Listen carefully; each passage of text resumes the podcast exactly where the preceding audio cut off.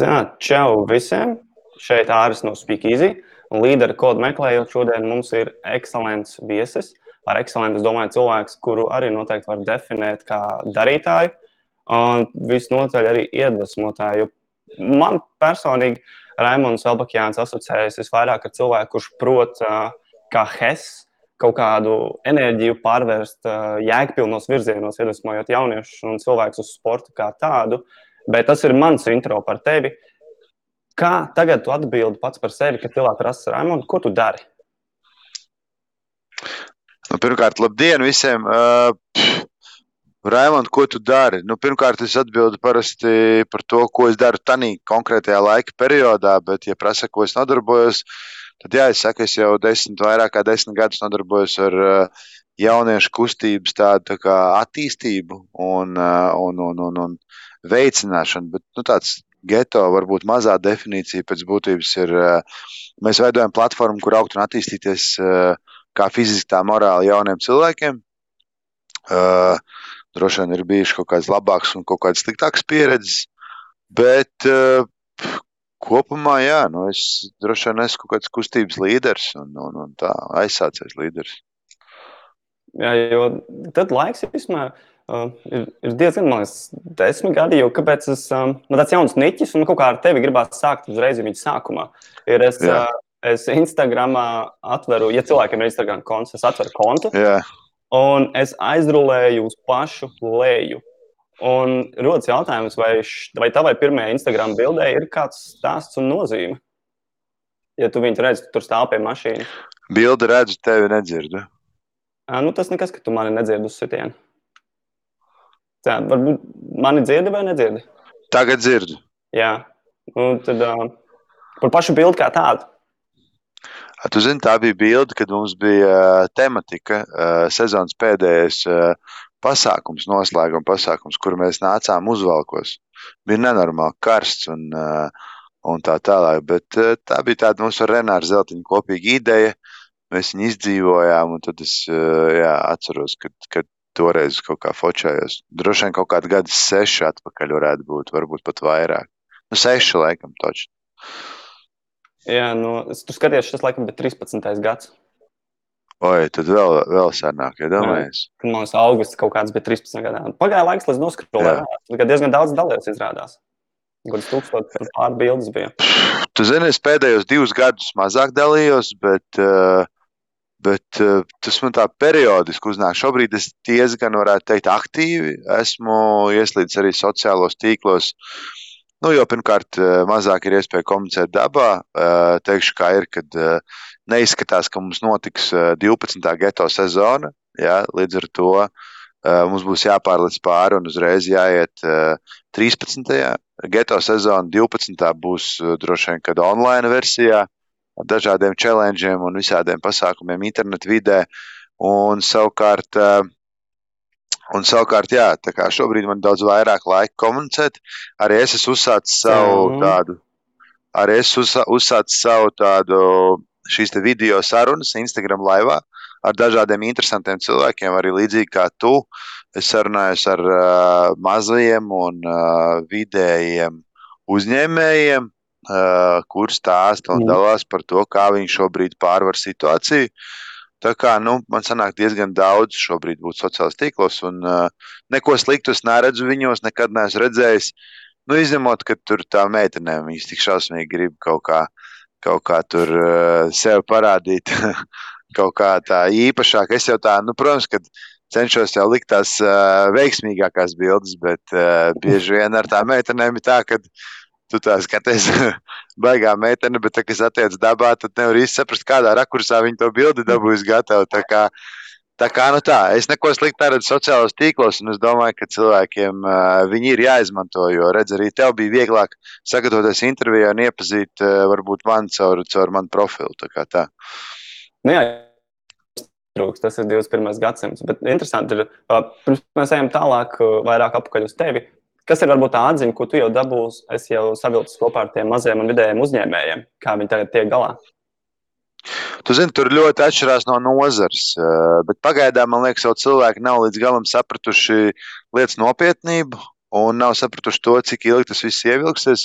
Jo es diezgan daudz tomēr uh, strādāju un komunicēju ar, gan ar pasauli, gan ar nu, tādas draudzīgas attiecības visādiem tādiem lielākiem uzņēmējiem un tā tālāk. Un tad, uh, man sanāk, varbūt kaut kādas tādas ziņas saņemt bieži vien no pirmā vota, nevis no tā, ko raksta mēdījos, virsrakstos. Jā. Tā kā, tā kā es saku, tas ir atkarīgs no nozares, un patiesībā šobrīd vēl nevienam tādas īstas skaidrības nav, cik tur glābs ko valsts, kāds viss iekustēsies, cik, liela būs, cik liels būs šis te, tā teikt, informatīvais karš un, un, un, un, un, un finansiālais karš. To mēs vēl neviens nevaram saprast. Tā kā, nu, kaut kā tā.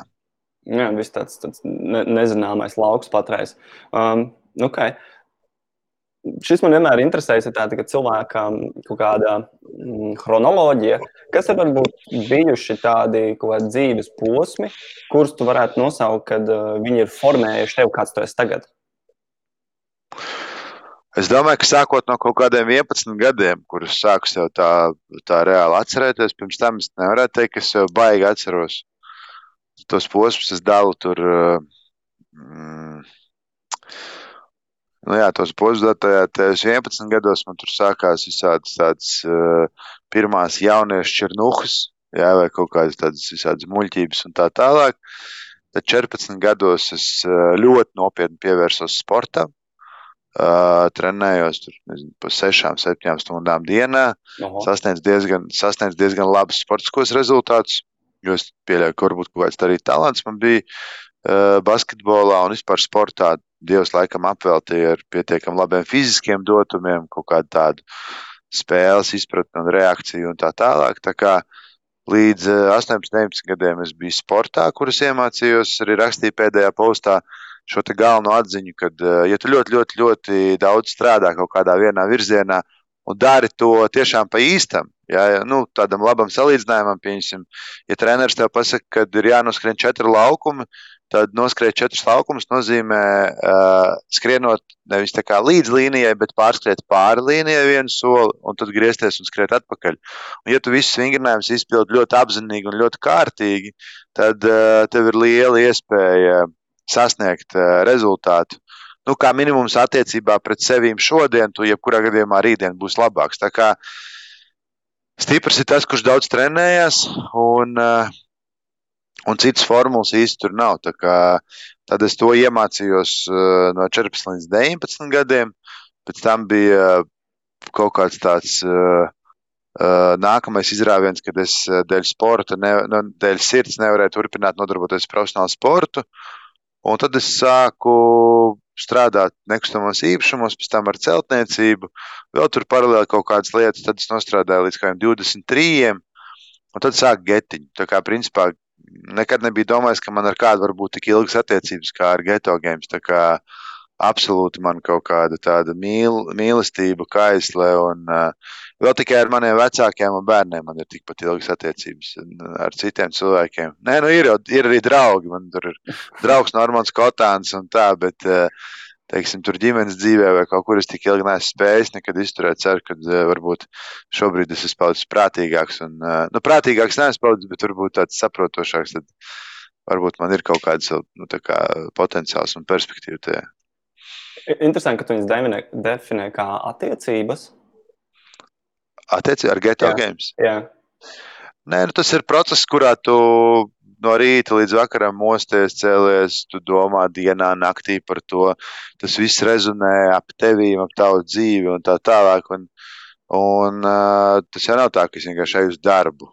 Nu, es tur es eju nu, katru dienu uz. Uh, Tā kā es nezinu, sākotnēji tā vispār bija kaut kāda revolūcija, pēc tam es jau, pēc tam bija revolūcija manī, pēc tam revolūcija citos, pēc tam jau tur kaut kā, kā tur citus uh, noturēt, pavirzīt, pabīdīt un tā tālāk, kā veikt šo komunikāciju ar ārpasauli, nu, teiksim, tur ar, ar mēdījiem, ar, ar, ar, ar visādām tur pašvaldībām, ar sponsoriem, ar vispārējo. Tur tas attiecību spektrs ir ļoti plašs un uh, lielā mērā, par cik es esmu bijis gan, gan pats kā runas vīrs tajā visā, gan arī sēja, gan arī aktīvi piedalījies un, un, un, un gājis pārstāvēt un gājis meklēt eh, gan līdzekļus visiem projektiem, tā tālāk.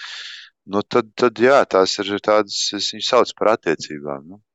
Kaut kā pēdējā laikā es tā domāju, ka tas ir tāds uh, milzīgs attiecību kopums, kas, uh, kas enerģētiski veido šo piedzīvojumu visiem visapkārt.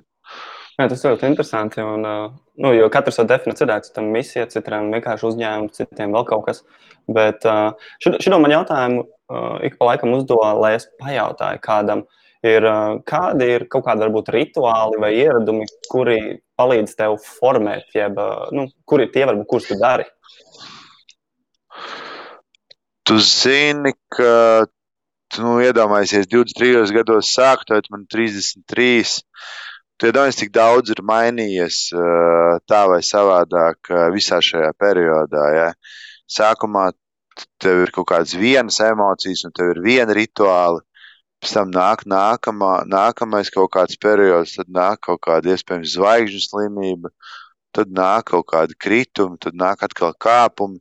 Tie rituāli lielā mērā mainās arī no tā. Tas nav tik, tik, tik viennozīmīgi, ka kāds viens rituāls, kurš vienmēr tev palīdz. Bet uh, kārtīgi naktī izgulēties, lai nākamajā dienā varētu spridzināt, tas gan ir fakts. Tas taču ir rituāls, kurš palīdz. Tur jau pēc tam uh, tie, tie, tie varianti jau, jau paliek daudz, daudz vairāk, bet kārtīgs miegs. Nu, kaut gan ļoti daudz kas ir darīts vispār bez miega. Tā kā es jau tā nevarēšu pateikt, tas man pēdējā laikā vienkārši, man bija viena brīdi problēmas, kas nevarēja vispār pagulēt nu, ne vispār, bet es bija ļoti grūti aizmigt. Eh, un tad, un tad tā, un tad tagad es esmu tik priecīgs, ka es atkal guļu un guļu bez nekādām miegzālēm un tā tālāk. Tas man tāds baigais arī gandarījums un prieks. Un tad, tad, ja es izgulējies, tad es varu ļoti, ļoti labi nostrādāt un izdarīt. Un tā. A, kas tev skaitās izgulēties 5 stundas, 8, jeb kā tu definē to? Ja cilvēkiem nu, patīk kaut mērīt. kādas 6 līdz 7. Un tad varbūt vienu vai divas reizes nedēļā, varbūt nedaudz vairāk par septiņām, bet ilgāk par septiņām ap uzturēšanas nemaz baigi nevar nogulēt. Nu, šādi tad varbūt kāds astoņas var noraut. Nu, tā kā tagad, pieņemsim, ir šis laiks, es viņu ļoti izmantoju gan savas personīgās veselības kārtošanā, gan atgriezt kaut kādus ieradumus, kuri varbūt kaut kādā brīdī skrējienā bija pazuduši. Ja? Bet vēl es tikai lēnām, lēnām, lēnām atgriežos pats pie sevis, jo pirms tam tu tik ļoti dzīvoji uz āru, ka nebija laika to aizmirst par sevi. Tu tā kā tāds rījošs suns, kurš ne, nu, viņam aiziet šķirnes ciet, un viņš, viņš var gudri runāt un stāstīt par visādām lietām, kā jādara, kas jādara. Bet tad, kad nonāk pats līdz tai darīšanai, tad patiesībā to, to apziņotība pazūd kaut kur. Tā tā. Nu, okay, šis varbūt kaut kā man aizved arī pie nākamā attēla, ko es atradu tavā Instagram.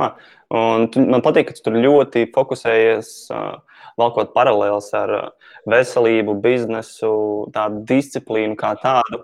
Un, protams, izstāstījums viņš diezgan iespaidīgs, bet varbūt arī var vēl papildus pakomentēt, uh, ko, nu, šeit izties kā Batmana, tas tur pretinieks Bains, man liekas, tajā bildē, bet, uh, bet idejiski Izstāst, ka tu esi uz kaut kāda jauna veselības, kaut kāda latiņas celšanas punkta.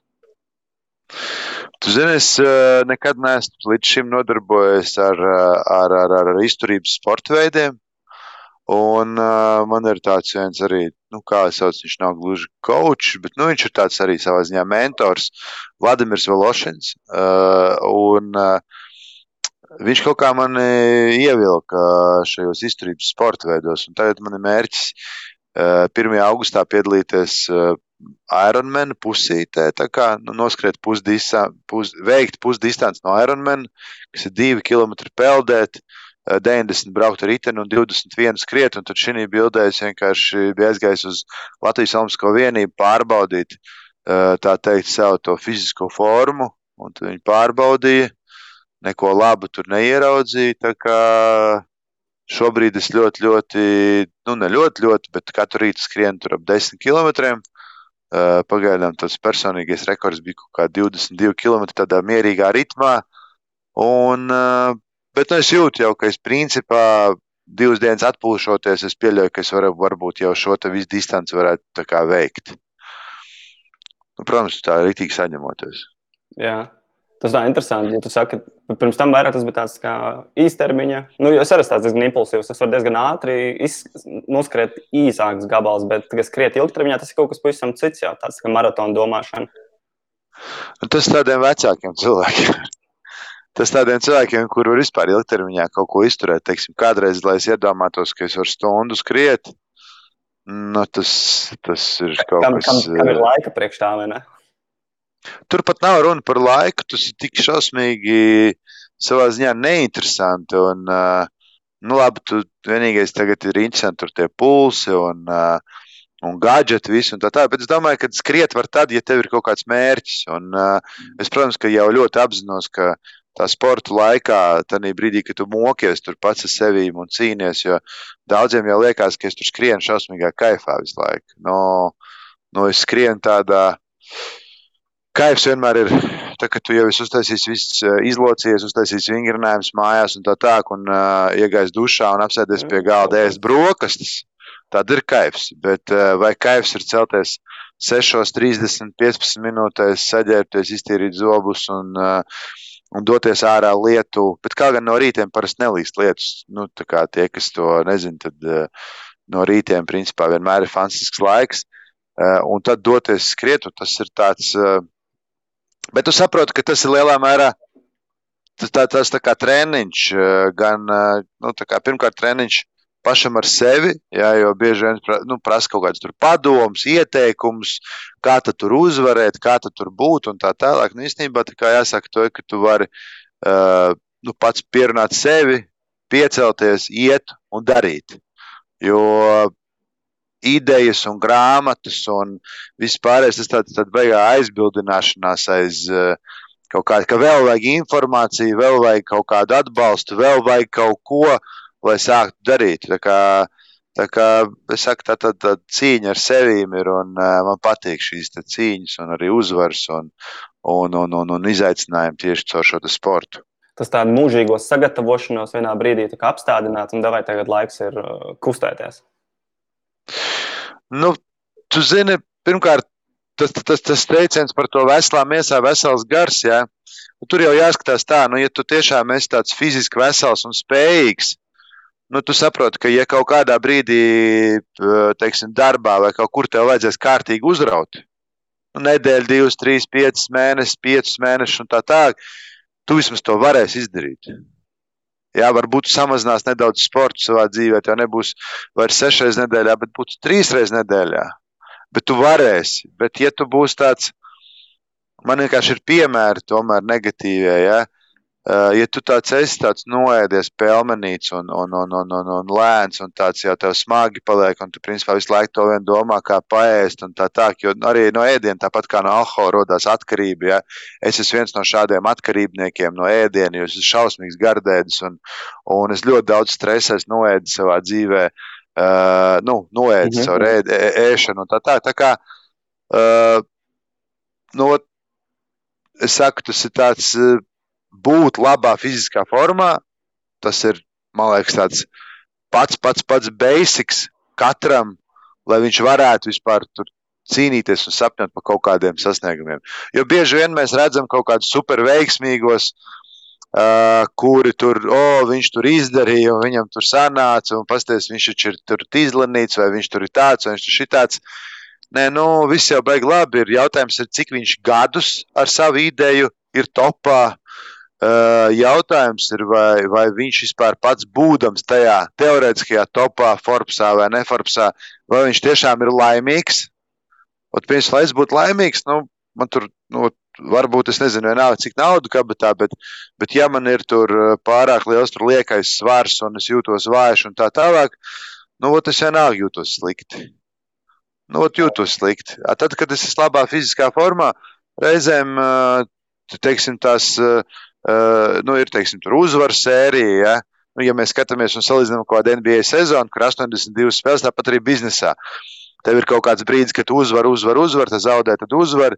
Un citreiz ir tāds zaudē, zaudē, zaudē, zaudē. Tas ir brīdis, kad tev ir ļoti, ļoti, ļoti jāpiestrādā pie stratēģijas maiņas, pie jauniem visādiem veidiem. Tev ir jāieliek vēl vairāk sev treniņos, vēl vairāk darbā. Un vienā brīdī hop, un tu atkal pārējai uz tām uzvarām, uzvarām, uzvarām, uzvarām. Tā kā es domāju, tas viss vēlkās kopā, un, un, un tā fiziskā forma palīdz mums uzvarēt. Ļoti labs salīdzinājums par to um, zaudējumu un uzvaru. Kā biznesa. Sports un biznesa laikam baigi iet kopā, ja tā skatās. Mūsdienās jau noteikti, jā. Ja varbūt kādreiz tu varētu tur kaut ko izdarīt, o, es tur ievedīšu no, no tur, nezinu, Mozambikas kaut kādu tur zālīti, vai nu ne jau tādu zālīti kā zālīti, bet es tur ievedīšu kaut kādu lietiņu, kura tur baigi pārdosies. Un, ja Latvijā tur maziņš tirgus, tad pasaulē tur daudz lielāk. Ja. Šobrīd tomēr tā globalizācija jau ir tik liela, ja, ka mm, tās lielās nozares ir sadalītas jau tādā pasaules līmenī. Un tad tie drēfētāji vai tie surferi, kas tur pa vidu iznāk ar kaut kādu uzrāvienu vai vēl kaut ko, tev tā kā jāspēj lekt pa tādiem tā kā viļņiem. Lai tu tā kā nenolaistos pavisam līdz apakšai, tev ir jāspēj lekt pa viļņu tādām tā kā augšņām un tikt uz priekšu, jo uh, pasaulē viss tik ļoti ātri mainās, un eh, mēs varam uzraut šodien kaut kādu ideju un hypu, bet jau pēc eh, gada un diviem tas vairs nevienam nav vajadzīgs, un tev jau jābūt kaut kam jaunam. Līdz ar to tāpēc, teiksim, tāda normāla uzņēmuma patstāvīgi attīsta kaut kādus startups sev apkārt un kaut kādas lietas, kuras ļauj iziet no kaut kādiem šīm viļņu apakšām vai no no situācijām, ka varbūt mazliet kaut kas neiet tajā galvenajā nozarē vai galvenajā lietā, kas palīdz atkal izcelties un noķert to hype. Tā tā. Mm, kaut ko izbalansēt. Um, Jā. Citreiz ir tāda lieta, kad es uh, staigāju apkārt un uh, es paintervēju vienkārši tīri priekš sevis cilvēkus, kuri uz ielām ubago. Un bieži, bieži ko es viņiem redzu, redzu sakritību, kas viņiem ir, viņi padodas. Viņi diezgan bieži rāda, nu, ka kaut kas dzīvē bija un padevās. Un padevās. Un tāpēc man rodas jautājums katram, ko es cenšos uzdot, ir, kāpēc tu nepadodies? Nu, padoties jau vienmēr var. Tas jau nav tāds, nu, ko nozīmē padoties vai nepadoties.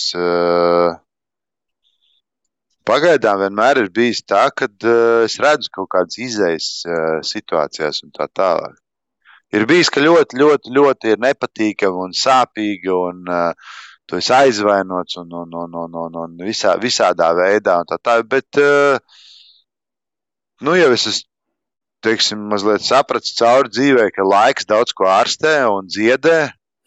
Tad tu kā saproti, ok, nu šodien gribās, nezinu, visu uzspridzināt un tā, bet, nu, nekas, nu, paies divas, trīs dienas un uh, vai nu tev ir iekšā tas uh, neatlaidīgais čempiona gars. Un tad tu tur cīnies un ņemies. Un, un, un. Nu, kas man ir interesanti, redz, man nav nekādu tādu milzīgu finansiālu sasniegumu. Nu, kā varētu būt, ka tu man zini, vai tur sabiedrībā kāds zina, vai vēl kaut ko. Es pat domāju, ka es pat neesmu pat tik turīgs kā kaut kādi mūsu tie jaudīgākie tie mūziķi. Nu, tā, es esmu operējis ar kaut kādām naudas summām, X uh, sezonas ietvaros un tā tā taisīs daudz liels pasākums, dārgus un tā tālāk. Nu, ko nozīmē dārgus, ar ko salīdzina? Citi organizē tur vienu pasākumu, tikpat dārgi, cik mums viss geto sezona un tā tālāk. Bet uh, strādājis ar nu, tādiem pietiekami lieliem brandiem Latvijas mērogā un, un, un, un, un tā. Bet, uh, nu, kas man liek nepadoties? Man liek nepadoties tas pats, kas bērnībā, kad tu gribēji būt uh, kādreiz bērnībā tu gribēji priekš citiem būt kručs, nu, tagad tu gribi būt priekš sevis kručs. Un tu saki, Rēmon, nu, nu, ja tu padosies, ko tu, tu darīsi? Ko tu, tu, tas būs, nu, tā kā, nu, vai tad, nu, cik ilgi tu nosēdēsi tā mieriņā, nu, nu vienalga ar resursu tur, ar, ar maizītēm vai ar, ar, ar, ar vēl kaut ko. Nu, cik, nu, cik ilgi tu sēdēsi? Nu, baigi ilgi jau nav interesanti. Zin, kā, tā kā es nolēmu visu šo dzīvi pavadīt tomēr tādā uh, aktīvā tādā rāvienā. Nu, vai, vai, vai tā būs viena un tā pati nozara? Es domāju, ka es vienmēr būšu kaut kur sportā un ap sportu un, un tā tā. Bet, protams, ka šobrīd, kad tu jau tā paudzies un ieraugi, ka tas sports jau ir tāds maziņš pret pasaules tādiem biznesiem un tā tā. Nu, labi, es nerunāju, tur futbols varbūt ir liels, jā, un tad tur futbolam apkārt tomēr viņš jau uh, ir tādā konekšanā ar ļoti daudz dažādām citām nozarēm. Uh, Bet tas sportiņš viņš jau tomēr tāds, nu, nu nav tāds, nu, sporto pasaulē tur 10% plus mīnus, un tad pārējie tur pārējiem ir 101 atruna, kāpēc to nedarīt. Tā kā, tā kā, kā maize savukārt ēd tur lielākā daļa sabiedrības un pienu dzer un, un, un, un tā tā. tā kā, nu, es izvēlējos tādu nozari, tāpēc arī tev prasīju sākumā, kas tad ir tas veiksmīgais, jo pagaidām es uzskatu, ka es tādā naudas izteiksmē noteikti neesmu kaut kāds veiksmīgais. Nu, man gan pietiek pilnīgi visam un, un vēl vairāk, bet, bet nu, nekādos tur sarakstos un topos es tur pagaidām vēl tā kā neesmu bijis un neesmu pavīdējis, bet uh, nu, varbūt nav bijis pietiekami mērķis tajā, teiksim, nu, no, nokļūt Jā. vai vēl kaut kā. Nu, patreiz izstāst, ka tu vairāk tādu tā kā angliskās community, ja tā, tā kā sabiedrību būvēji un tā kā, nu, pavisam citi mērķi tur bijuši apakšā. Jā, jā, viennozīmīgi, kad uh, līdz šim uh, tā ir bijis, Un, uh, esmu ļoti daudz ko sapratis un iemācījies. Un sapratu vispār, ka, ja tu otru cilvēku tu vari bučot, kur tu gribi, tāpat viņu nobučos dibenā beigās. Tāpēc uh, censties uh, visus tur baigi sabučot un baigi uh, apmīļot un izpatikt, tā ir neiespējama misija. Tāpēc uh, vispirms izglābt pats sevi, un tad, ja kādam vajadzēs viņu izglābt, viņš tev paprasīs. Nu, tā kā es apmēram, tomēr man bija pamainījies tā, tā, tā, tā apziņa par dzīvi. Ja, ja kādreiz es tur teicu, ka visi jāglābj un tā tālāk, tad tagad es saku, nu, ka skaidrs, ja tu ej garām un tur kādam ir kaut kāda nelaime vēl kaut kas, tu jau tādā brīdī, nu, tā ir tā, tās ir attiecības tev pašam ar sevi, kā tu rīkojies un tā tā. Bet, lai tā kā kādreiz, kad es meklēju, kam palīdzēt, tad tagad noteikti tā nav, jo tādā veidā tu tikai glaudi savu ego nu, tu jau patiesībā otram cilvēkam nepalīdzi. Otram cilvēkam, principā, palīdzēt var tikai tad, ja viņš konkrēti var nodefinēt, ko viņam vajag palīdzēt. Bet tad, kad viņš konkrēti sāk saprast, ko viņam vajag palīdzēt, tad jau tur sanāk viens, otrs, trešais padoms, vai, vai tu izrunā kaut ko ar viņu, un viņš principā pats tiek ar savām lietām galā, kuras viņš var panest. Bet šodien kādam kaut ko iedodot, jo viņam liekas, ka tā ir viņa problēma, ka viņam tas pietrūkst. Viņš tāpat tās sevi no kurienes. Nu, tu šodien man var iedot vienalga, cik naudu, un es viņu vienalga nevarēšu pavairot, tāpēc, kad uh, man galvā ir tik, cik man ir. Mm. Vienalga, es pat nevaru pateikt, iedod man miljonu, un es tagad rītā atnesīšu divus vai pēc gada. Nu, nu neatnesīšu, tāpēc, ka vienkārši tas smadzenīts ir tik daudz, cik viņas ir. Un, un, un, un, un, Ubagi tur nav ne labi, ne slikti. Zin, viņi tādi paši drāma kvīni ir kā, kā liela daļa citi sabiedrības locekļi. Zin, vienkārši citi teiksim, manipulē ar to savu to vājumu, un uh, bieži vien jau kāds uzraujās uz tā. Ja, tur, nu, staigā, tā. Es jau tomēr es vienmēr centies uh, caur getiņu būvēt spēcīgas personības. Nu, tā kā ļaut viņiem spēlēt tur bez tiesnešiem, bakstīties tur savā starpā, iepazīties savā starpā, veicināt, mudināt, atbalstīt, paspērt uz priekšu un tā tālāk. Un tā joprojām. Man šīs visas mīksto būšanas vispār nepārāk patīk. Jā, tas tā disciplīna, acīm redzot, ir tavs lauciņš. Tāda saņemšanās. Jo šis man iekopā nākšo jautājumu, kas papildina šo iepriekšējo, ir par, kas varbūt ir tie, tās rakstura īpašības vai kaut kādas um, lietas, uz kurām to arī norakstīt priekš tevis. Tāpēc man izdodas. Pirmkārt, jautājums ir, ko nozīmē izdodas. Jo izdodas nevis man, es organizēju kaut kādu cilvēku kopu, kur uh, bieži vien tas ļoti talantīgi cilvēku kopu, tādi kā mākslinieks Ladislavs Lakša, kādu laiku atpakaļ vēl Renārs Zeltiņš, Uh, man vienkārši mega, mega, mega palīdz, bez kuras es esmu kā bez rokām Sanda Gertnere, uh, viņas vīrs Edgars Gertners, kurš ar kreatīvām idejām iesaistās, Antons Semeņaks, kurš atbild par, uh, par futbolu, bijušais futbolists un tā tālāk. Nu, tur es varētu saukt, un saukt, tas saraksts ir vienkārši unikāli garš. Ja? Tā kā es, principā, esmu tāds tā vējš, kurš izskrien cauri, apsēdina visus pie galda, iedod kaut kādu vīziju, motivāciju un tā tālāk, un tad skrien risināt visus fakaps. Nu, kā, nu, tas ir mans tāds, tāds ikdienas, nu ne visus, jo komanda arī risina ļoti daudz fakaps un tā tālāk, bet, bet es esmu principā tas cilvēks, kas risina lielās problēmas, tad viņi tā kā piekārto tās mazās. Līdz ar to es nevarētu teikt, ka Es aizgāju no tā jautājuma prom, bet es nevaru teikt, ka. Tas bija pa savam, jā.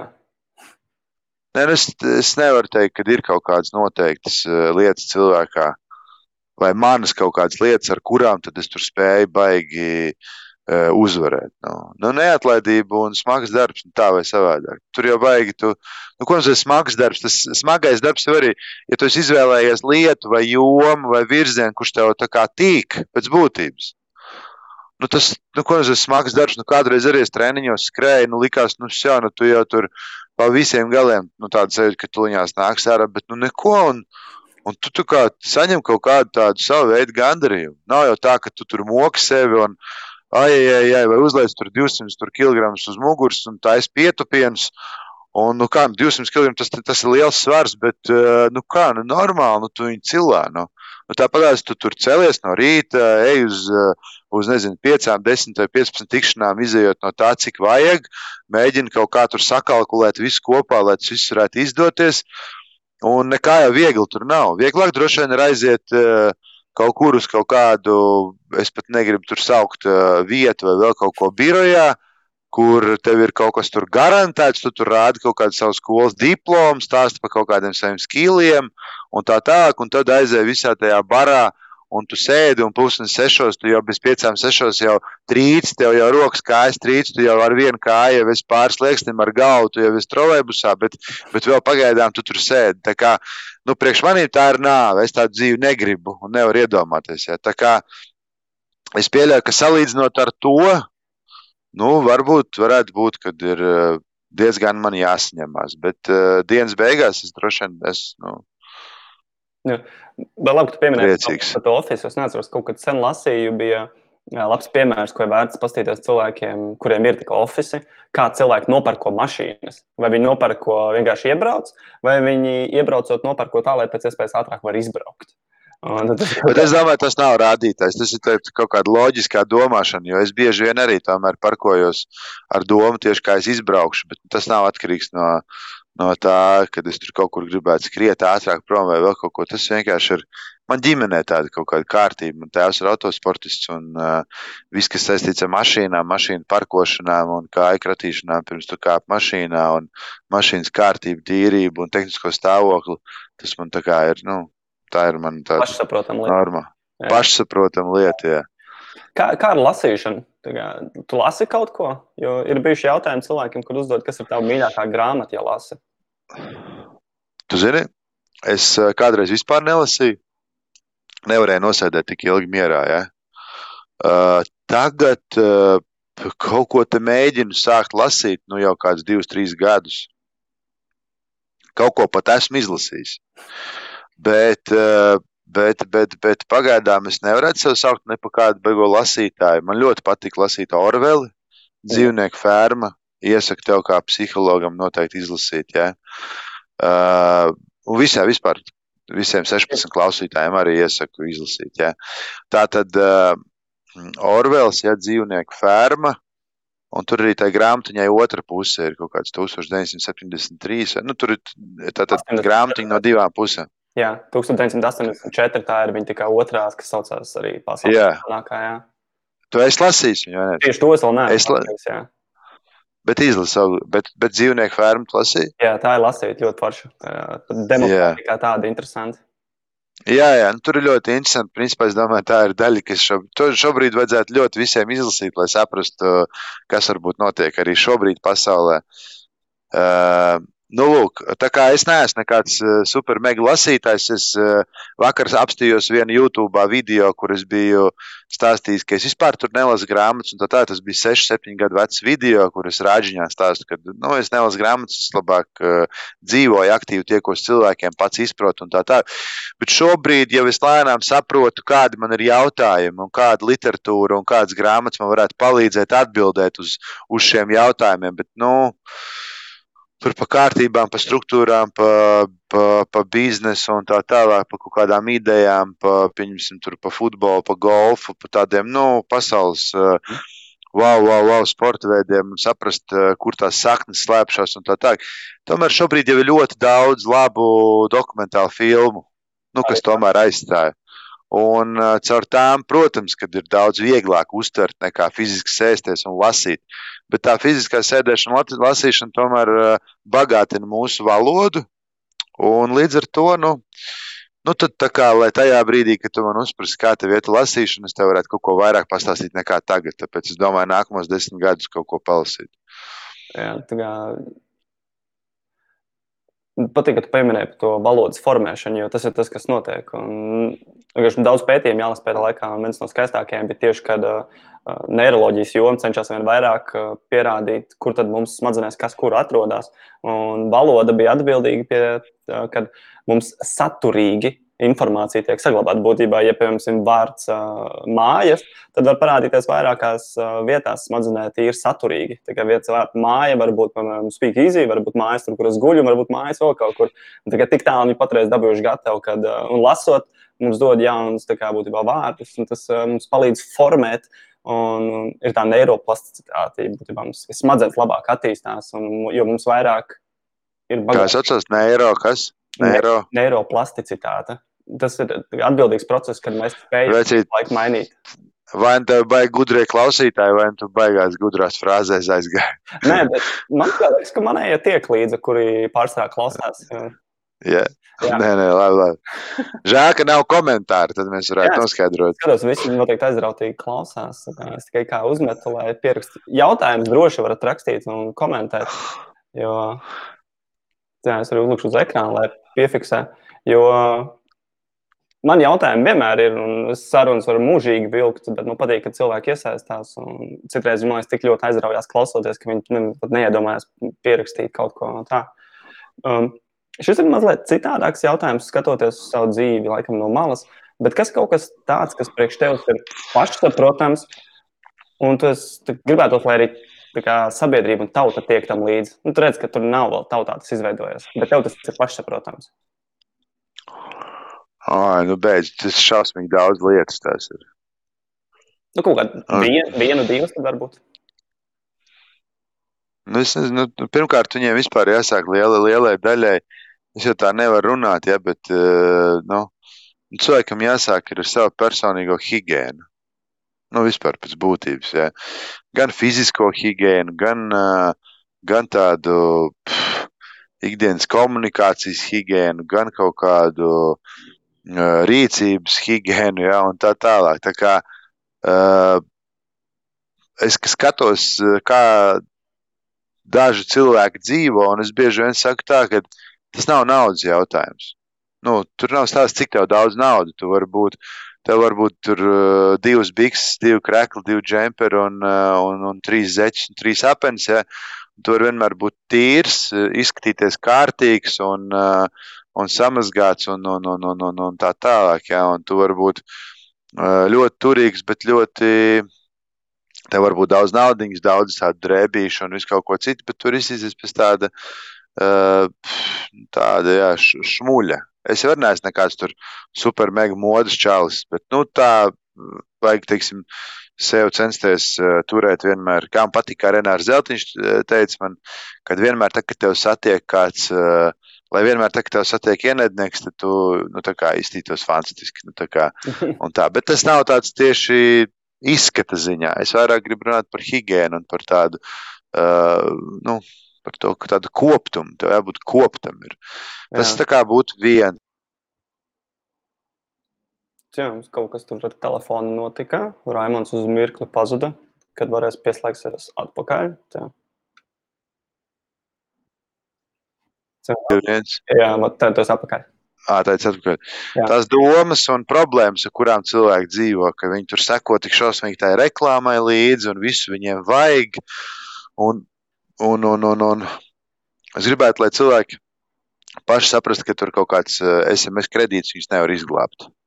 Nu, tā kā tā, arī tāda, tāda finansiālā, to mēs saucam par finansiālo higiēnu. Ja, kad mm -hmm. nu, nopelnīja naudu, aizgāja kaut ko nopirkt. Tur. Atdeva kādam citam. Nu, nē, nu kā nopelnīja naudu, aizgāja nopirkt mašīnu tur. Ja.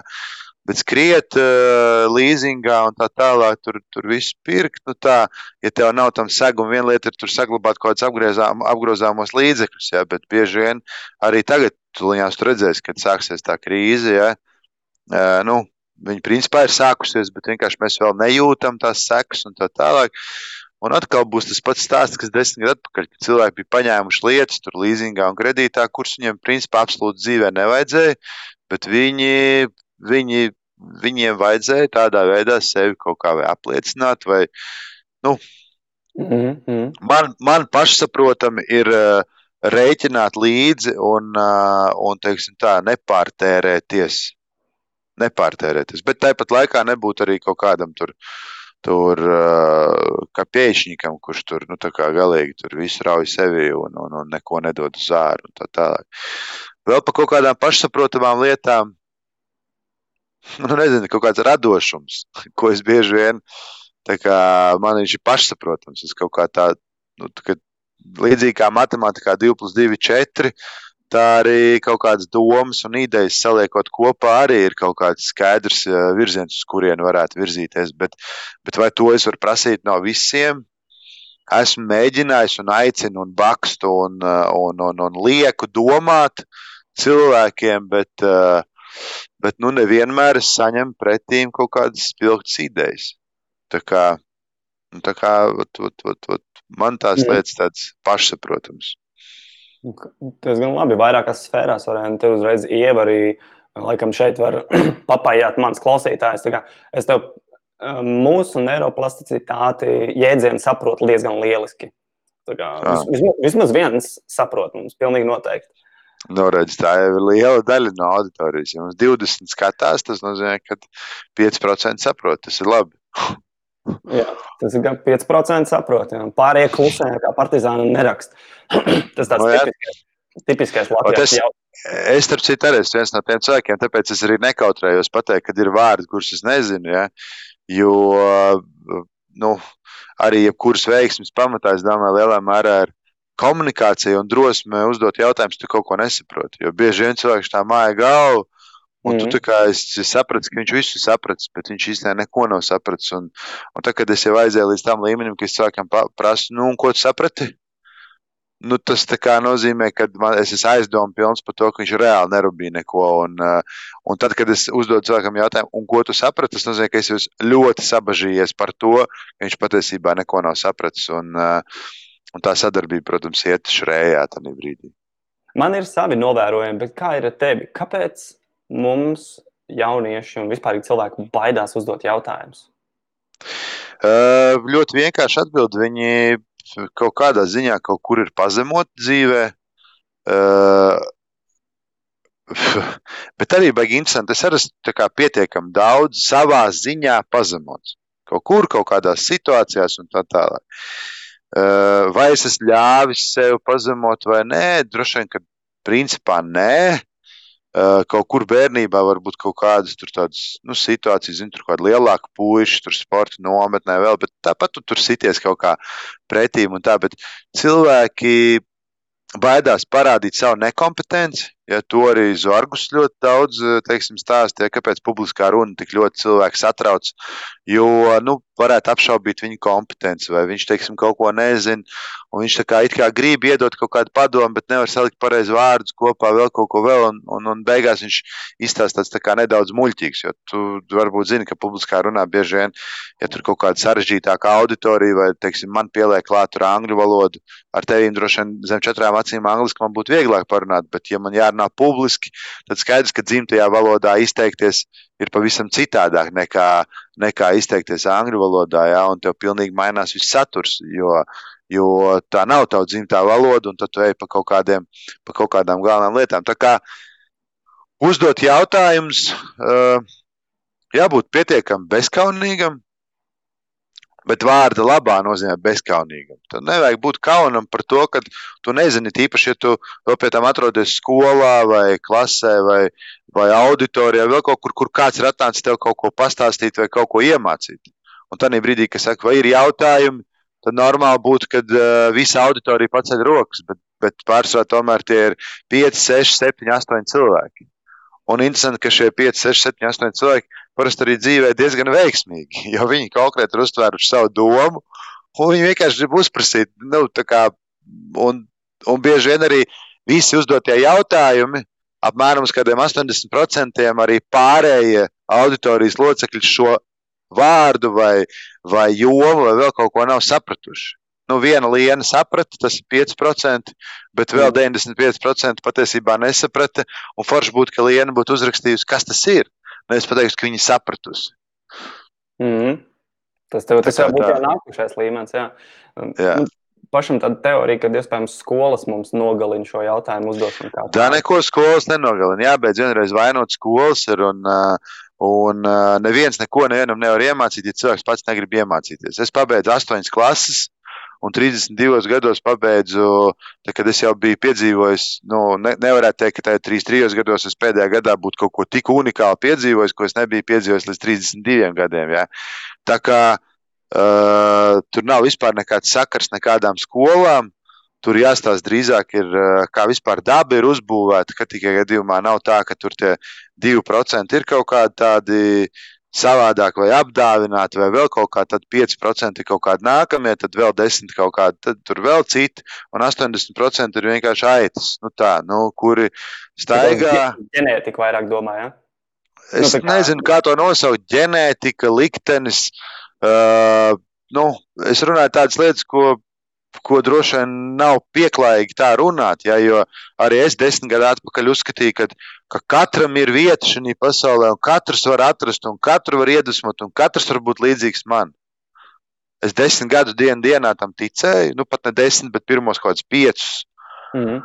Tad divus mēģināju domāt, ko es tieši daru nepareizi, kāpēc man neizdodas aiziet pie jauniešiem, izstāstīt, kad vajag no rīta pamosties un iztīrīt zobus vajag aiziet nomazgāt muti, vajag izskriet krosiņu, vajag izdarīt to, to, to un to. Un, ja tu šito izdarīsi, tad tu jau būsi tur nu, nosacīt kaut kādā citā vispār līmenī. Un viņš to nevar izdarīt. Viņš to nevar izdarīt. Un tā kā, nu, ot, Un kā? Un tev liekas, nu kā tieši tas tā var būt? Nu, nu, es domāju, es apskriešu visu Latvijas skolas, ar visiem satikšos, mēs visi kopā darīsim, viņi piesakos sociālos tīklos, mēs kopā iesim, es pierunāšu tur vienu, otru, trešo, lai palīdz tur ar kaut kādu resursu, lai tas viss var virzīties un tā tā. Un nekā. Tāpēc uh, es tomēr domāju, ka ir šīs te, uh, darba spējas un kaut kāda arī, arī kaut kāds talants, ko iedod Dievs Pēc tam cilvēkam ir kaut kāda viena tā vide, kurā viņš attīstās, otrs ir tas, ko viņš jau kaut kādā apzinātajā vecumā sāk veidot ap sevīm. Ja? Pēc tam viņš iemācās sadzīvot arī, tā, ka viņš jau paliek citādāks. Un, nu, parasti tas ir tā, tad, kad cilvēks paliek nedaudz tāds veiksmīgāks. Bet nevis tikai, ka viņš jau ir nopelnījis vienkārši naudu, bet nu, cilvēki redz, ka bļēns viņš reāli rubī. Bet viņš kaut ko dara, viņš rubī, viņam sanāk. Uh, Un, tā, tā, un tad sāk veidoties tāds sabiedrības nosodījums. Viņi sāk meklēt tevi utas. Mm -hmm. Un tā, ka tu iemācies jau to nepamanīt, un tā kā teikt, labi, labi, tu karoči te sēdi tur un dari un meklē utas, e, un es pēc tam jau, kad nākšu atpakaļ pa to ceļu vai kā citu, tu man saskaiti viņus, cik tur ir, un e, iedod man rakstiskā formā, un, e, un es tevi iecelšu par visu heiteru ķipu vadītāju, nu, teiksim, par manu personīgo heiteru vadītāju. Nu, tā kā, ka tu pret to jau var filozofiski attiekties, uh, uh, nu tad jau ir kaut kāds tā kā next levels. Labs apzīmējums par to heiteru vadītāju kā tādu.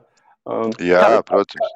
Kā, pirms mēs atbildam Jāņa jautājumu par to, uh, kā tu vispār plāno savu ikdienu, sistēmas metodas, kā tu tiec, pirms mēs atbildam to, kā tu tiec galā ar heiteriem? Jo gan jau, ka tev arī ir.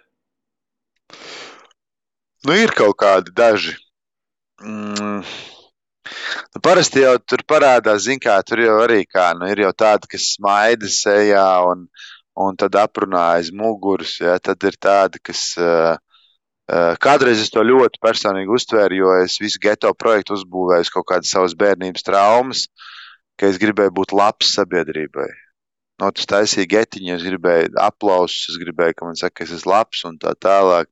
Es to arī saņēmu. Nu, tā kā izteikt, jo, ja bērnībā es tur situ un lauzu un apcēlu un ņirgājos un vēl kaut ko. Un es biju ļoti, ļoti, ļoti negants. Es varbūt pat tik negantu bērnu otru neesmu redzējis pat savā geto karjerā. Un es biju tāpat laikā pietiekami nu, tāds tā kā apdāvināts. Es varēju ātri saprast, ātri norientēties, arī izdarīt daudz labu lietu. Bet nu, tas stulbums, kas no maniem nāca ārā, tas bija kaut kas eh, arī un, tikpat unikāls un vēl unikālāks un, tā, un tādās galējās robežās. Ja.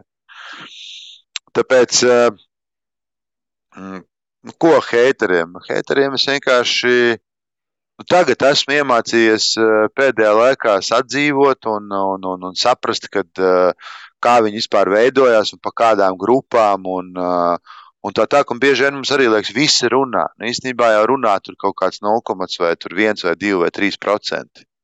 Tie, kas raksta kaut kādus komentārus, vēl kaut ko, nu, ja rakstu tur izlasa vai noskatās tur 1500 cilvēku vai tur 10 tūkstoši, tad īstenībā komentāri uzrakst plusā, cik ir visādi roboti un tā tālāk, kas raksta plusā, cik ir mūsu nopirktie mēdī, tādi kā Delfi un TVNet, ja, un citi portāli, kur, uh, es atvainojos, viņi paši ieliek uh, melu rakstu, pēc tam viņi paši pieliek klāt savus uh, fejkos uh, profilus ar riebīgiem komentāriem. Ja?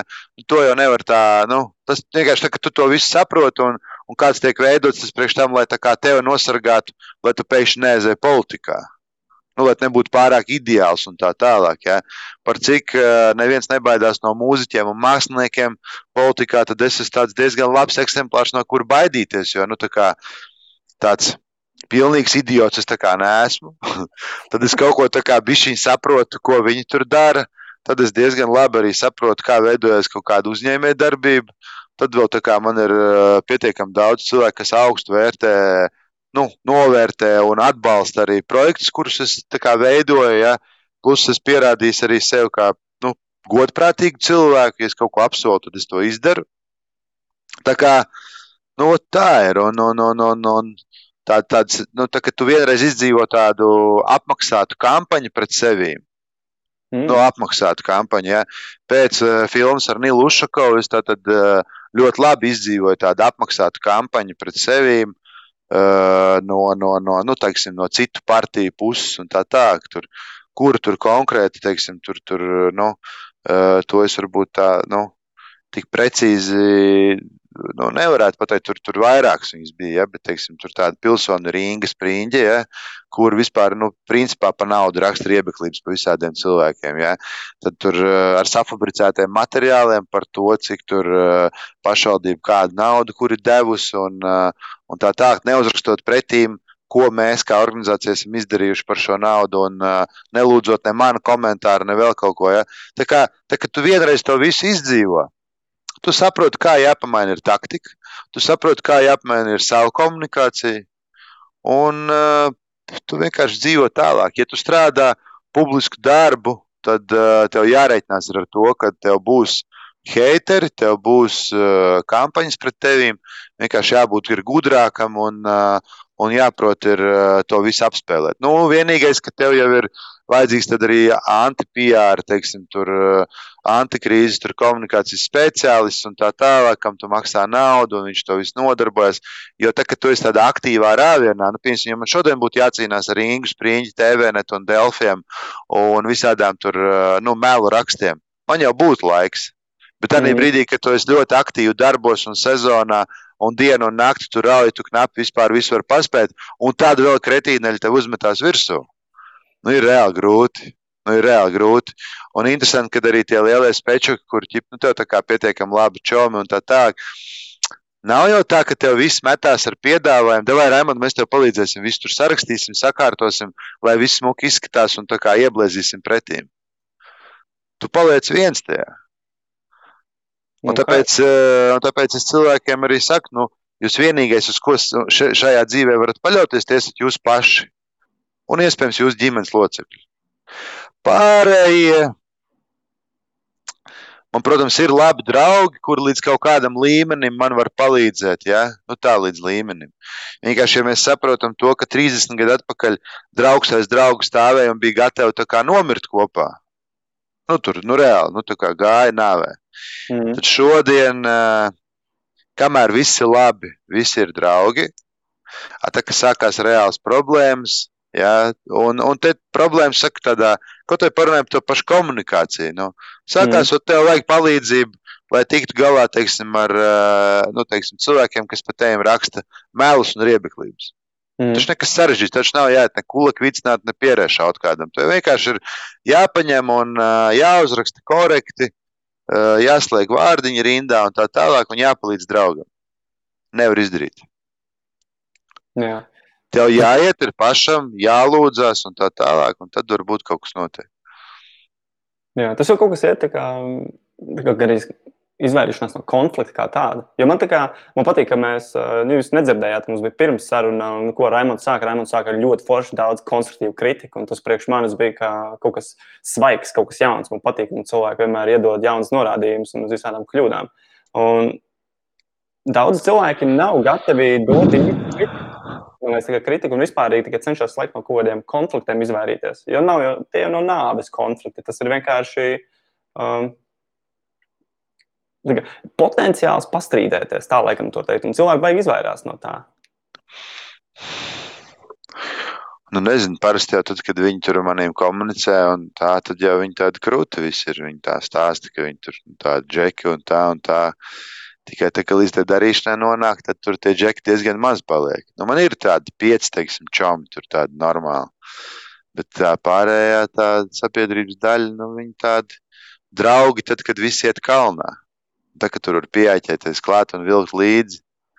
Mm. Tā, kaut kas sāk ripot no kalna vai, vai kaut kā tam līdzīga, vai kaut kādas problēmas rodas, tad žurkulēni skrien pa visām pusēm. Tā ka vienkārši liekas, ka, kā, bet tā, ka tu to visu izdzīvo un vienreiz uz to visu paskaties, tad, uh, kad tev tur draugs atsūta īziņā, ka viņš tev nedraudzēsies, tāpēc, ka tu tur, uh, nezinu, tur esi kaut ko tur, nu, nu, tā, kad es, tad mēs filmējām filmu par, par bijušo pilsētas mēru Nīlu Ušakovu, un ka tev čoms, nu tāds, nu, ķipa draugs, kurš tev intervijās un publiski, un visur jūs esat draugi, saka, ka tu esi draugs, un pēc tam viņš tev atsūta īziņu, saka, pat vairs tu man neesi draugs.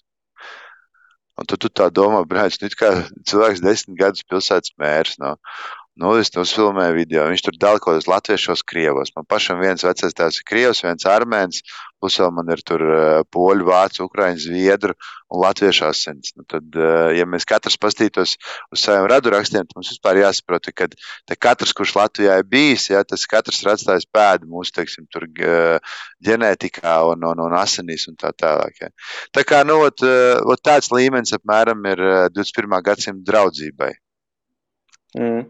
Tas kaut kā līdzīgi ir tāds, um, es aizmirsu, tad psiholoģija ļoti forša runa bija par monogāmiju kā tādu. Mums bija pirms tam ar vienu uh, sarunu, un viņi teica, ka kādreiz monogāmija nozīmē ar vienu cilvēku uz dzīvi, tagad monogāmija nozīmē ar vienu cilvēku vienlaicīgi.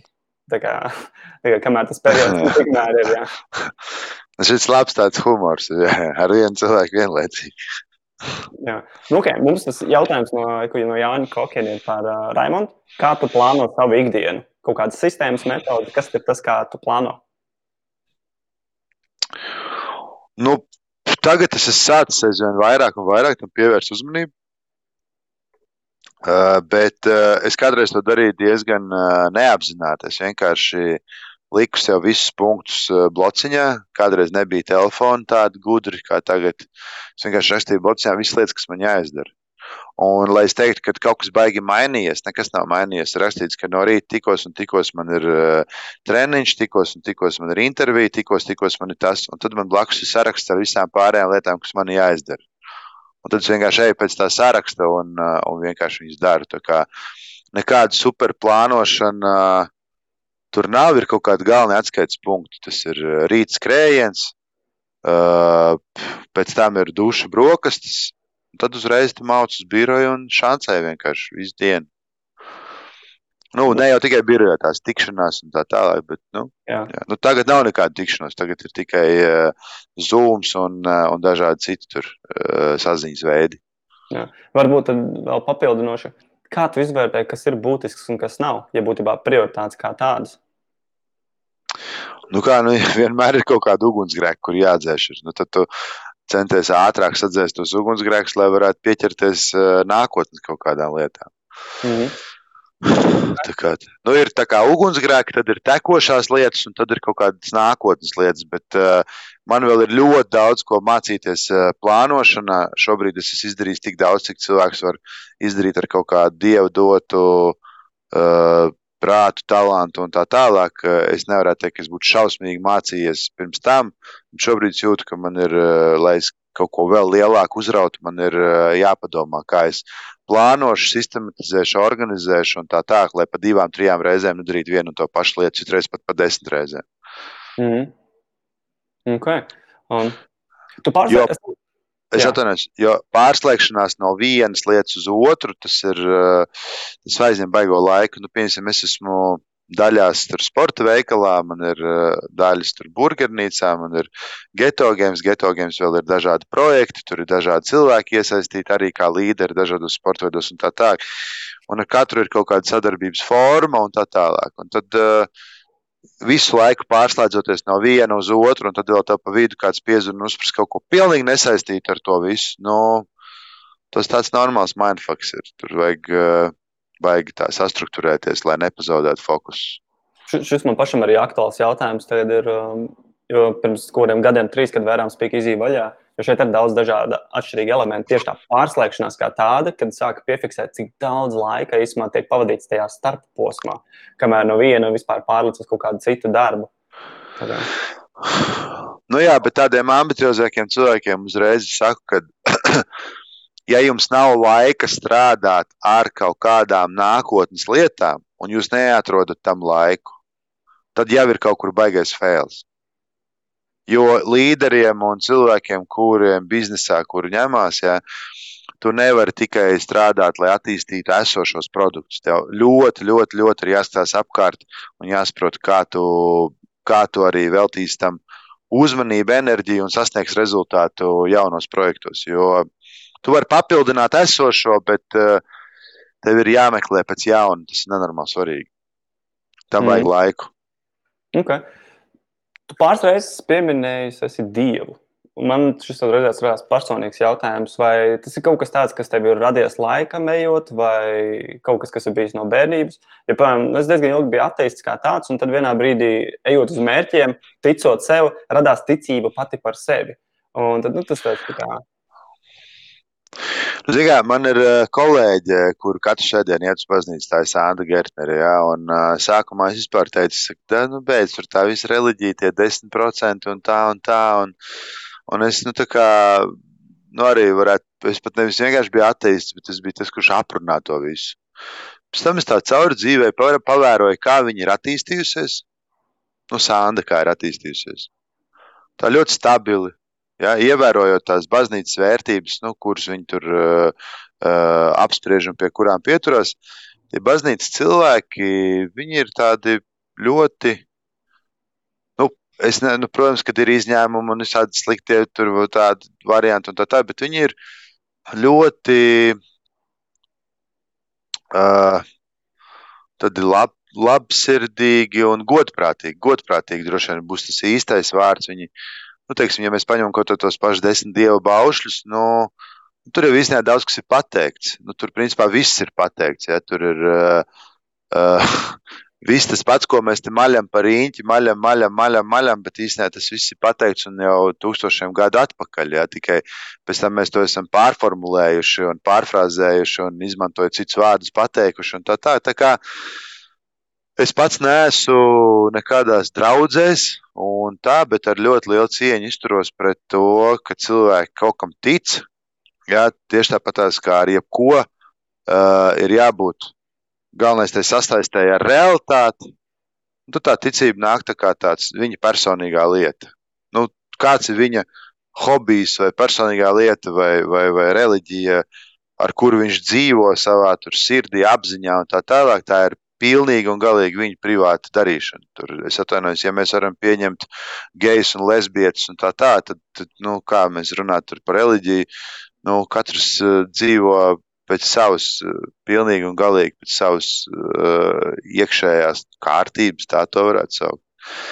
Tā kā šeit es esmu ļoti, ļoti brīvs, ļoti atvērts tam un, un atbalstošs, ja cilvēks man saka, ka viņam sēdienā ir dievkalpojums, uh, man liekas, nu, forši, nu, forši, ka cilvēkam ir kaut kas, kas viņam ir svēts, nu, ka viņš kaut kur iet un pie kaut kā pieturās. Kas man būtu mans dievkalpojums? Mans dievkalpojums droši vien ir. Nu, ja man ir pasākums, tad man ir pasākums. Un tad es zinu, ka man 12 ir pasākums, un tad es zinu, ka es tur būšu ātrāk, sagatavošos un, un aizdīšu viņu no tīrākās sirdsapziņas. Jā. Un... Kaut kā tā. Šis ir viens no pēdējiem jautājumiem, būtībā pēdējais jautājums no manis. Tie, kuri klausās, jums vēl būs opcijas uzdot Raimondam kādu jautājumu vai komentāru. Um, ir kaut kāds, zini, tu teici, ka pieminēji, ka tev ir bērni. Un vienmēr mums pašiem un bērniem pienāk kaut kāds vecums, kad mēs sākam pētīt apkārt, kas, kas tas viss ir. Un es nezinu, vai tev jau viņi ir uzdevuši vai nav uzdevuši, bet uh, jautājums ir, kas ir dzīve? Piedrs rožkrūms. Bet, uh, ja tā nopietni, tad uh, dzīve ir tā tāda gara, gara mācību stunda. Un stulbi ir, ka tu plašiem soļiem nesies uz priekšu, un jo plašākiem soļiem nesies uz priekšu, jo ātrāk paliek nu, neinteresanti. Un, un, lai būtu interesanti, tev ir jāspēr vēl plašāku soļu un jāliek vēl sarežģītāk sev uzdevumu un tā tālāk, balstoties uz tām zināšanām, kuras tu jau esi iegūmis. Jo nu, es ik pa laikam jūtu tādu, ka bļājas vai kaut kādu atkal upgrade, jo vienkārši nav interesanti. Jo es nekad neesmu strādājis uh, pēc mēriņa, es tagad to mēģinu mācīties pēc kaut kādiem tur, ka viens no KPI tomēr ir peļņa. Un mm. pirms tam peļņa bija tā tāds, nu, Kāds ir, kā, ko nozīmē peļņa, ja tu tāpat tā zini, ka tu to visu naudu ieliks tajā pašā projektā? Nu, kā, nu, galvenais, lai viņi būtu, nu, kā, lai viņi būtu maksimāli daudz. Ja. Bet uh, tad tu piedzīvo kaut kādas krīzītes un kaut kādas situāciju maiņas tā tālāk. Tā, protams, saprot, ka tā būtu labi, ka tomēr nodalīt arī kaut kā skaitļos nu, kā tos, tos uzdevumus un mērķus. Un tā. uh, līdz ar to dzīve ir mācību stunda, gara. Un, uh, ja pret to tieši tā attiecās un, uh, un godprātīgi uh, godprātīgi tādā dzīvot, tad es domāju, ka kad vajadzētu būt visam kārtībā. Un arī viss tās nelaimes, un sāpes, un, un pārdzīvojumi, un neveiksmes, un tā tālāk. Man, man arī bija interesanti, man zināms, tur šķīries no bērna mātes, tad no otras bērna mātes. Tā kā nu, nesanāca mums tur, teiksim, ģimeni izveidot, un tā tālāk. Tie man tādi lielākie, uh, lielākie tādi mani Uh, nu, tī, tas nav vienkārši, kad uh, bērni dzīvo pie šķirtiem vecākiem. Un, un, un, un tā, tas, tas galīgi nav vienkārši. Es ļoti būtu gribējis, lai man ir tāda viena ģimene un tā, un viss būtu baigi labi. Tāpat kā es būtu gribējis, lai man ir kaut kādi cilvēki vai biznesa vai darbi, kur mēs tā sākam, un viss tā baigi labi, stabili virzītos uz priekšu. Ja. Bet uh, tā nenotiek, tad tu apauzi kaut kādiem uh, ar kaut kādām savām neražiņām, kuras tev visu laiku dzīvo tevī, ar tevīm un tā tālāk. Un tad uh, lamāties var jūs tajā raidījumā, vai ne? Man ir ok. Jā. Jā, jo, jo, ja es, ja es nenolamāšos, tad, tad vienkārši tur šodien cilvēki varētu to neatcerēties, bet, uh, bet uh, vienā brīdī vajag iemācīties atpisties no sevīm. Jo uh, mēs tik šausmīgi sevi kaut kādā brīdī gānam, gānam, gānam, jo mēs neesam gana labi un tā tālāk. Draugi, mīļie, mēs esam atnākuši mācīties, un mēs kļūdīsimies, un kļūdīsimies atkal un atkal. Un tad, kad mums jau liksies, ka mēs visi saprotam, tad nāks vienkārši lielāka kļūda. Un tāpēc, ja kāds ir iedomājies, ka viņš nekļūdīsies, tad viņam ir jāielien mājās zem sēgas, jāapsedzās, jāizslēdz gaisma un vienkārši jāsēž tur. Tāpēc, ka, ja viņš kaut ko darīs, ja viņš kaut kur virzīsies un kaut ko mēģinās, un viņam būs kaut kādi sapņi un tā tālāk, viņš ne jau ļaunu gribēdams. Viņš vienkārši kļūdīsies, jo bieži vien mūsu sapņi tās ir tādas, zin, saburtas ilūzijas, kuras mums uh, liekas, ka, ja es to piedzīvošu, tad būs absolūtā laime. Un tad tu to piedzīvo, un tev nevis ir absolūtā laime, bet tu vienkārši esi gatavs pakārties katru dienu uh, savos tajos sapņos tā tā. Tā kā uh, mēs mācāmies, vajag vienkārši uztvert to veselīgi, un tad arī, tad arī tā dzīve mums varētu, varētu nu, arī būt laimīga, vai dzīve var būt laimīga. Nu, tad tu tā kā, vai, tu, tā kā jābūt galīgi tādam tērētam, un tad tu visu laiku tāds laimīgs staigā. Un tāds, nu, ritīgi laimīgs tu staigā, tā tā, nu, tā laime droši vien ir tajos kontrastos. Nu, kā, vai, vai, vai tā, kad ir karsts, visu laiku ir baigi forši? Nu, nav baigi forši. Vai tad, kad visu laiku ir augsts, ir baigi forši? Nu, arī tā kā nav. Bet tad, kad no baiga augstuma ieiet pirtī, ir baigi labi. Un tad, kad no baigi ilgās pirts iziet ārā augstuma, arī liekas, nu, ir fantastiski. Tā kā pat mūžīgie tādi svari un, un, un, un, un, un, un, un savu tad, ja, ja, ja spēj to filozofiju pielāgot tiem notikumiem, tad, tad ir lielāka iespēja būt uh, apziņotība, droši vien dos kaut kādu tādu mieru vairāk.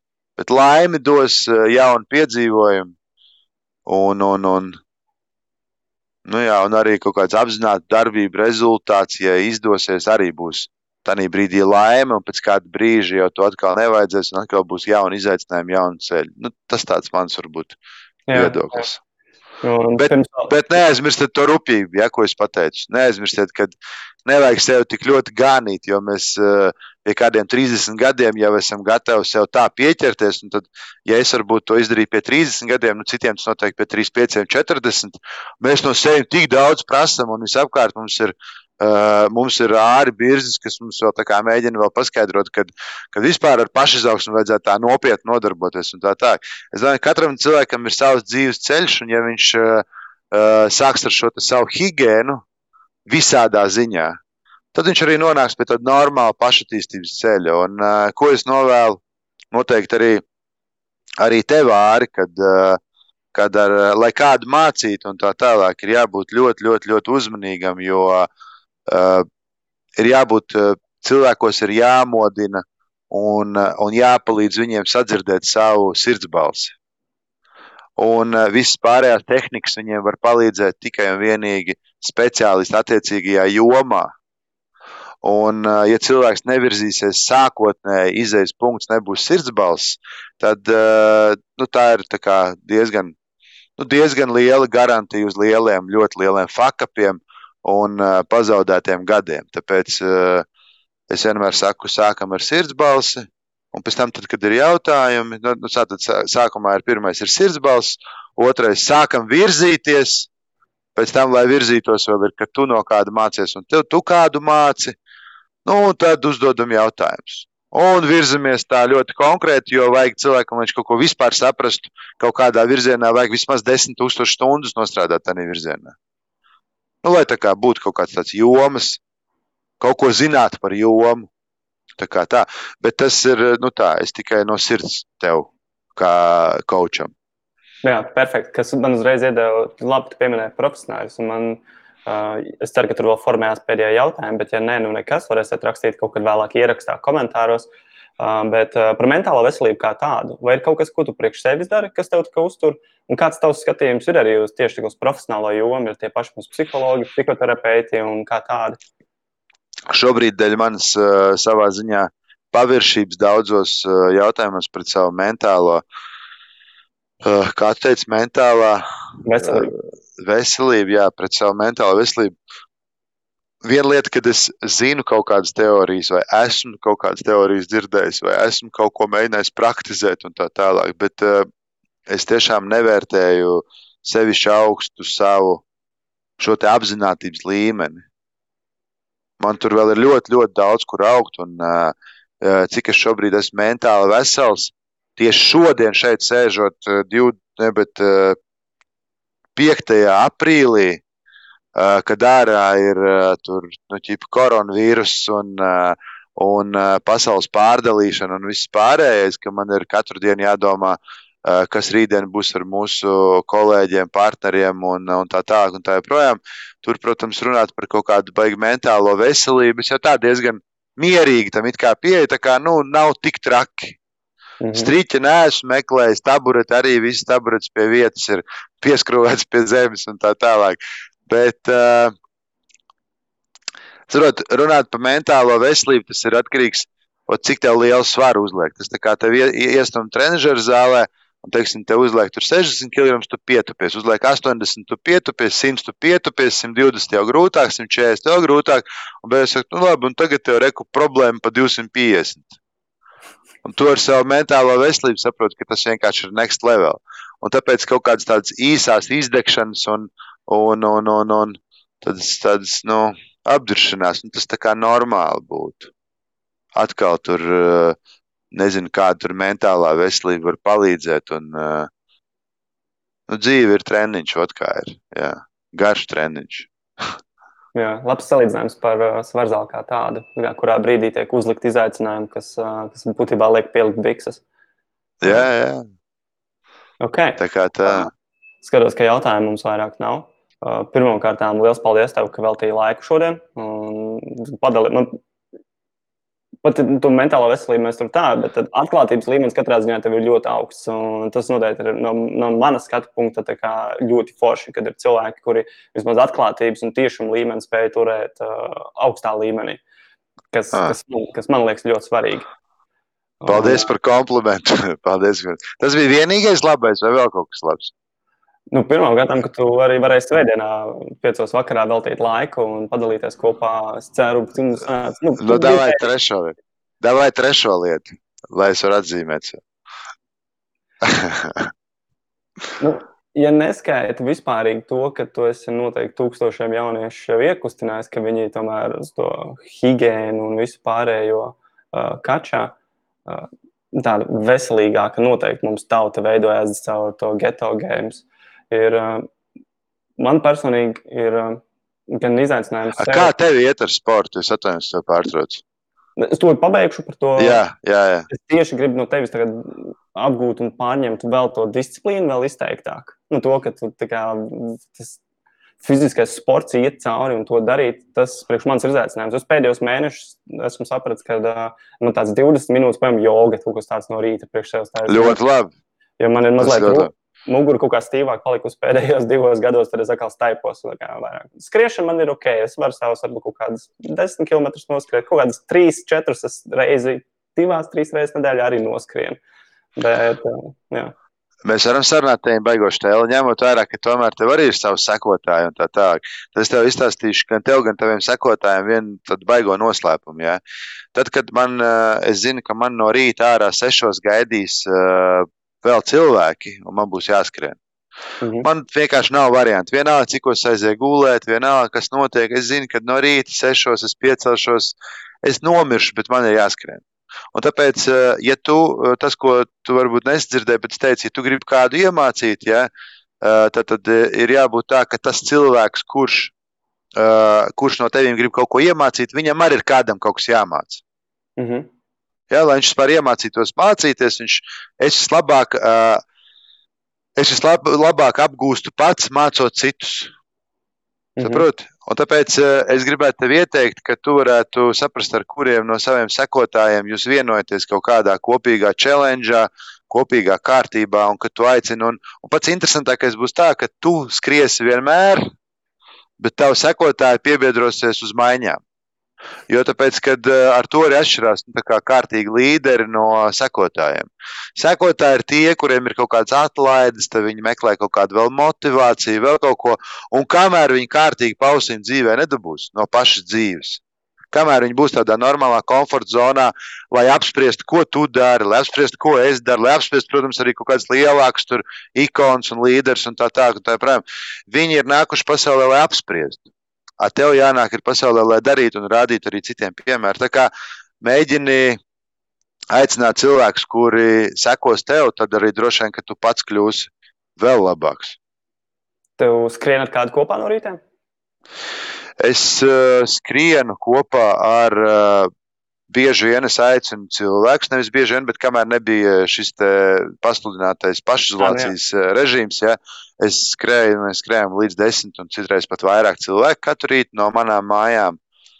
Uh, un uh, šobrīd skrienu vai nu viens, vai nu, no, vai nu ar draugu, vai nu ar kādu no tuviem, uh, tuviem nu, tādiem čomiņiem, divu metru attālumā. Tad mēs arī mēdzam izskriet. Mm -hmm. Okay. Tā kā tā. Ļoti labs ieteikums. Es apdomāšu, vai es spēju tādu lēmumu pieņemt sevi. Kā, jo tas izklausās pēc kaut kā, kas būtu jāievieš sešas reizes nedēļā vai vismaz piecas. Nu, es, domāju, es domāju, ja tu sāktu ar uh, trijām līdz četrām, un, uh, un skriet vienkārši to vienu stundu pulsā līdz 140. Nu, kas tā kā tev būtu sirds treniņš, ja, kas tev noderēs jebkurā lietā, ko tu dzīvē dari. Un, ja tev sekotāji tam arī piebiedrojās, tad jūs tā kā ot, trīs reizes nedēļā pa stundai tie būs apmēram, nu, sākumā 8,5, 9, tad 10 km. Uh, tas būs super, un pēc tam jau jūs jutīsiet, uh, ka jūs tur skriet daudz vairāk, un vēl, un vēl, un vēl. Tā kā maziem solīšiem. Un galvenais, galvenais arī tad, ja tu kādu reizi izlaidi vai nosačko, tad ir jāceļās un atkal jāiet tālāk.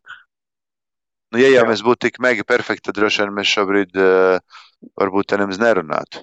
Mm, pavisam noteikti mēs nedalītos informācijā, jo mēs visi jau visu zinātu un visiem viss izdodas. No, tā, kā, okay. tā, tā kā es jums novēlu, lai jums izdodas. Jā, tad forši. Paldies tev vēlreiz! Davai, Jāri! Paldies tev un arī sekotājiem! Tiekamies Jā. Instagramā un uh, Viģikos un tā tālāk. Un Es ceru, ka tu arī atsūtīsi man kaut ko no šī video, tad es nošērošu. Jā, es tev aizsūtīšu pēc tam saiti, jo šo es lieku YouTube kā savā tā kā tādā arhīvā. Viņš tur pēc tam pieejams un audio ieraksts arī Spotify būs kaut kad vai nu šovakar. Labi, ielikšu. labi, labi, sarunāts. Ekscelenti. Čau, lai veicas visiem. Čau, čau, tā.